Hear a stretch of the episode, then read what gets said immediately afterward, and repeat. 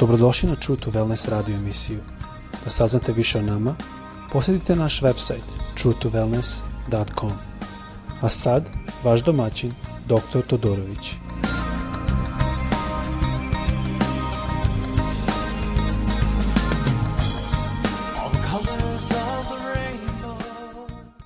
Ljubazni, dobrodošli na naš program. Ovo je sada, e, želim se izviniti prvo za dve stvari. Jedna, jezik mi je malo nezgodan. odrastao sam u Kanadi, tako da srpski mi nije najbolji. A druga stvar, nemam, nisam kod kuće, nego radimo ovaj iz hotela jer sam došao na sahranu bivšeg člana familije. Verujem i nadam se da je ta osoba spašena, ali i dalje je to, kao što možete razumjeti, nezgodno i teško. U ovom, ovo je sada zadnji deo naše studije od druge Rimljanima, prva glava, sedmi stih, te kaže Bog nam nije dao duha straha, nego sile, ljubavi i čistog razuma, kaže na engleskom. E sada želim malo pogledati na tu reč čist razum. Ranije smo govorili o tome šta je strah. Spomenuli smo da strah ima dve vrste e, u starojevrejskim gledaštima. Jedna je strah od Boga koji u stvari nije strah, to je više poštovanje. Ne nosi neku ulogu da će nas god Boga kaznit, da je Bog neki ne tako, nego više jedno poštovanje što detima kod a drugo što su oni imali je strah koji su oni već u to doba prije Hrista priznavali da nije koristan. To je strah od budućnosti, strah kako će biti, da li će ovo moći, kako će mi biti budućnost, tako dalje. Tako smo govorili malo o tome i tu smo dva epizode e, proveli zato što mislim da je jako to bitno. I e, onda smo govorili što znači sila i da je to sila spasenja. Ima i drugi stvari tu, ali svakako je sila spasenja i jedna od najvećih sila što je Bog radio kroz svoju krv da nas je spasio. Prošli put smo govorili o ljubavi i objasnili smo da ljubav ne može da stoji zajedno sa strahom, i kao što znate govorili smo da e, savršena ljubav izbacuje strah a onaj koji hoda u strahu nije savršen u ljubavi i tu smo ukazali da to nije mala stvar mnogo puta mi to nekako uzmemo romantično pa dobro, Bog no on je vrlo jasno objasnio da neko bude nabeđen da je recimo učinio ubistvo ili preljub što god, ne bi rekli dobro, Bog razume. Ali kad dođe ovih stvari nekako mi to uzmemo zdravo za gotovo, a, da to nije nešto strašno. Naprotiv, ovo su bitnije stvari zato što ove stvari dovode do onih velikih stvari, pogotovo ako su neispravne. E sada govorimo o čistoj razumu. Šta to znači čist razum? A definicija jedno kaže kognitivno razmišljanje. To je neko koji je u kontroli sa svojim mislima. Srpski prevod kaže e, čistota.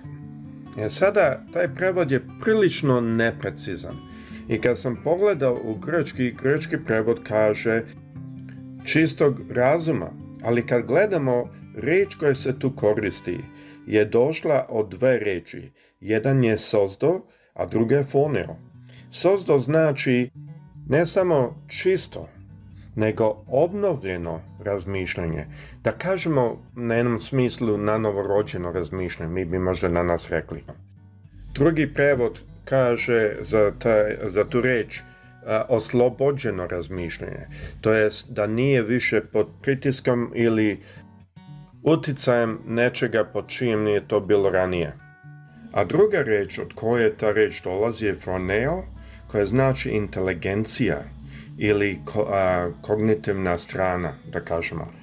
Znači najpravilnije prevo danas bi bilo da je to jedna razmišljanje koje je bilo obnovljeno i oslobođeno.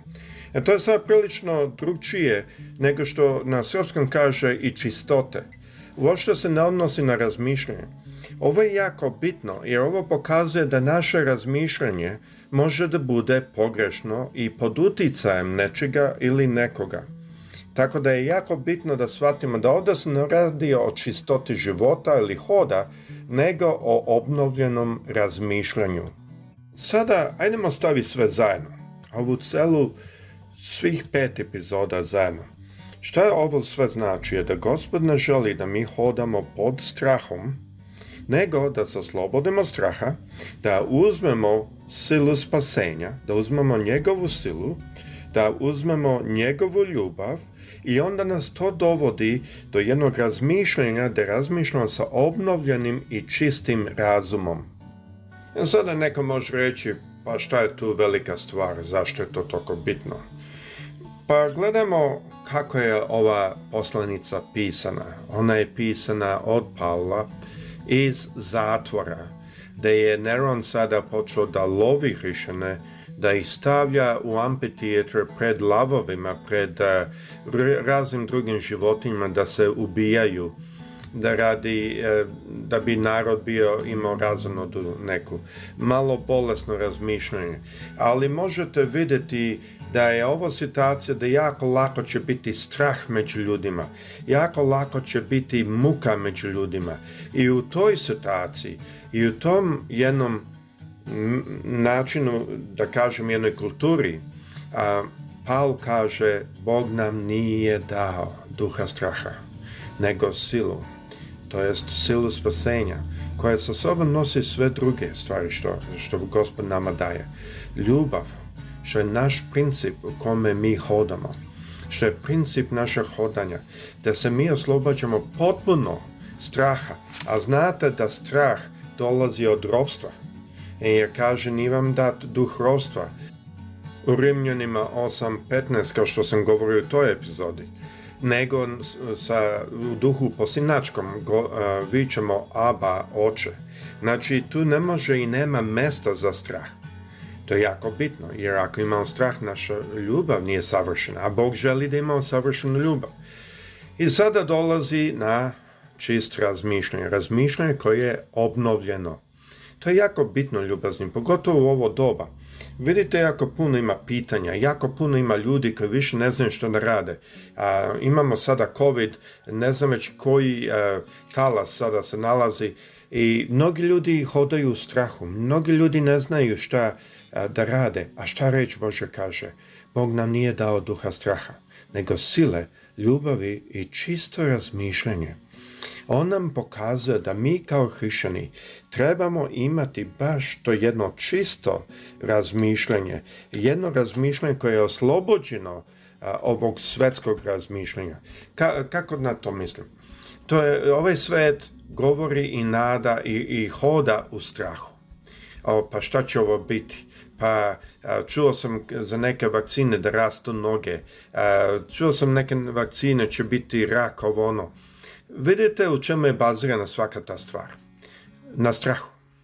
A Bog ne želi da hodamo u strahu i zato kad imamo čist razum, kada prođemo kroz ovaj stepen, dođemo na stepen gdje mi možemo raspoznavati duhove i raspoznavati šta je od Boga, a šta nije od Boga. Tako kada čujemo stvari o vakcinama, pogotovo to je zanimljivo sad što vakcine a ta tehnologija već postoji odavno i ne znam zašto su sada toliko bitne. Mi smo svi dobili vakcin kad smo bili mali i niko od nas nije uništen. Ali vidite da e, o vakcinama mnogo, mnogi govore iz straha. Mi kao hrišćani moramo prepoznati to, jer nam Bog govori da mi trebamo raspoznavati duhove. Zašto trebamo raspoznavati duhove? Zato što trebamo prepoznati da nije svaki duh od Boga, da nije svaka vest od Boga. I kako to prepoznamo je tako što mi znamo već da sve što ima strah u sebi, a najnovije što sam čuo, mislim da Pfizer pravi da rastu noge. Kao neko ko ima doktorat, a mogu vam slobodno reći, to, u tome nema ništa. A jedino što ima u tome je da kogod izmišlja te stvari će dati odgovor pred Bogom, ako neko ne uzme vakcinu, posle umre jer mi znamo da DNA a, nam se menja ako dobijemo COVID, a mnogi ljudi su govorili da vakcina menja DNA, a vakcina ne, nego baš COVID. Sada sad ako vaša vakcina uključuje COVID kao Sinopharma, e, onda to može malo da deluje, ali to je jako redko, bez razlike. Šta je pojnta ovdje je da moramo znati da raspoznajemo. Bog nam je dao da raspoznajemo. Reč Božja kaže u Rimljanima 12, i ne vlada, e, drugi stih, i ne vladajte se prema ovome sve e, veku, nego se promenite obnovljenjem uma svog, da biste mogli kušati koja je dobra i ugodna i savršena volja Božja. Što da kaže, ne vladajte se prema ovom veku, vidite da se o ovome radi, nego se promenite obnovljenjem uma svog. Ovdje je reč Bože nas opet upućena istu stvar da biste mogli ukušati koja je dobra i ugodna i savršena volja Božja. Sada, što ovdje vidimo? Prvo kaže, ne vladajte se prema ovome svetu. To znači da ne razmišljamo, da ne vidimo kao što svet vidi, da se ne ponašamo kao što svet se ponaša mnogo puta u strahu, da ne, ne padamo na iste stvari na kome pada ovaj svet. A naredno kaže, nego se promenite obnovljenjem uma svog. Ovdje nam gospod ne govori da će nam dati nov um, nego da će obnoviti naš. I to je neophodno za treću stvar što ovdje kaže. Da biste mogli kušati koje je dobra i ugodna i savršena volja Božja. Kao što vidite, kao što se dešava u stihu koji mi sada studiramo, to jest druga Timoteju 1.7, da kaže Bog nam nije dao duha straha, nego sile, ljubavi i čistog razmišljanja. Sada vidimo to čisto razmišljanje u ovom stihu Rimljanima 12.2 ima isto jedan redosled. Ne vladajmo se prema ovom veku, nego se promenimo obnovljenju uma svog. Znači ovdje ne možemo da se promenimo i da imamo obnovljenje uma dok se vladamo prema ovom veku. I kad se obnovi naš um, tek onda možemo e, kušati ili raspoznati, bolje reći, koja je dobra i ugodna i savršena volja Božja. Opet da pročitam cel stih Rimljanima 12, a drugi stih, ne vladajte se prema ovome sve, veku ili ovom svetu, nego se promenite obnovljenjem uma svog, da biste mogli kušati koja je dobra i ugodna i savršena volja Božja.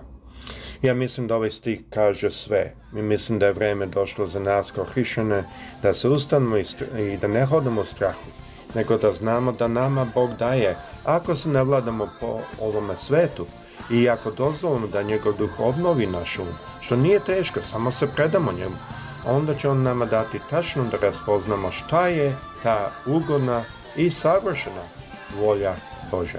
Gospod sa svima vama. Prijetno.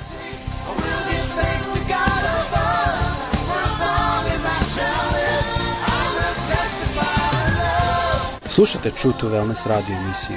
Pridružite nam se ponovo svaki utorak, četvrtak i subotu. Za kontakt molimo posjetite naš website www.truetowellness.com Naša email adresa je info at truetowellness.com.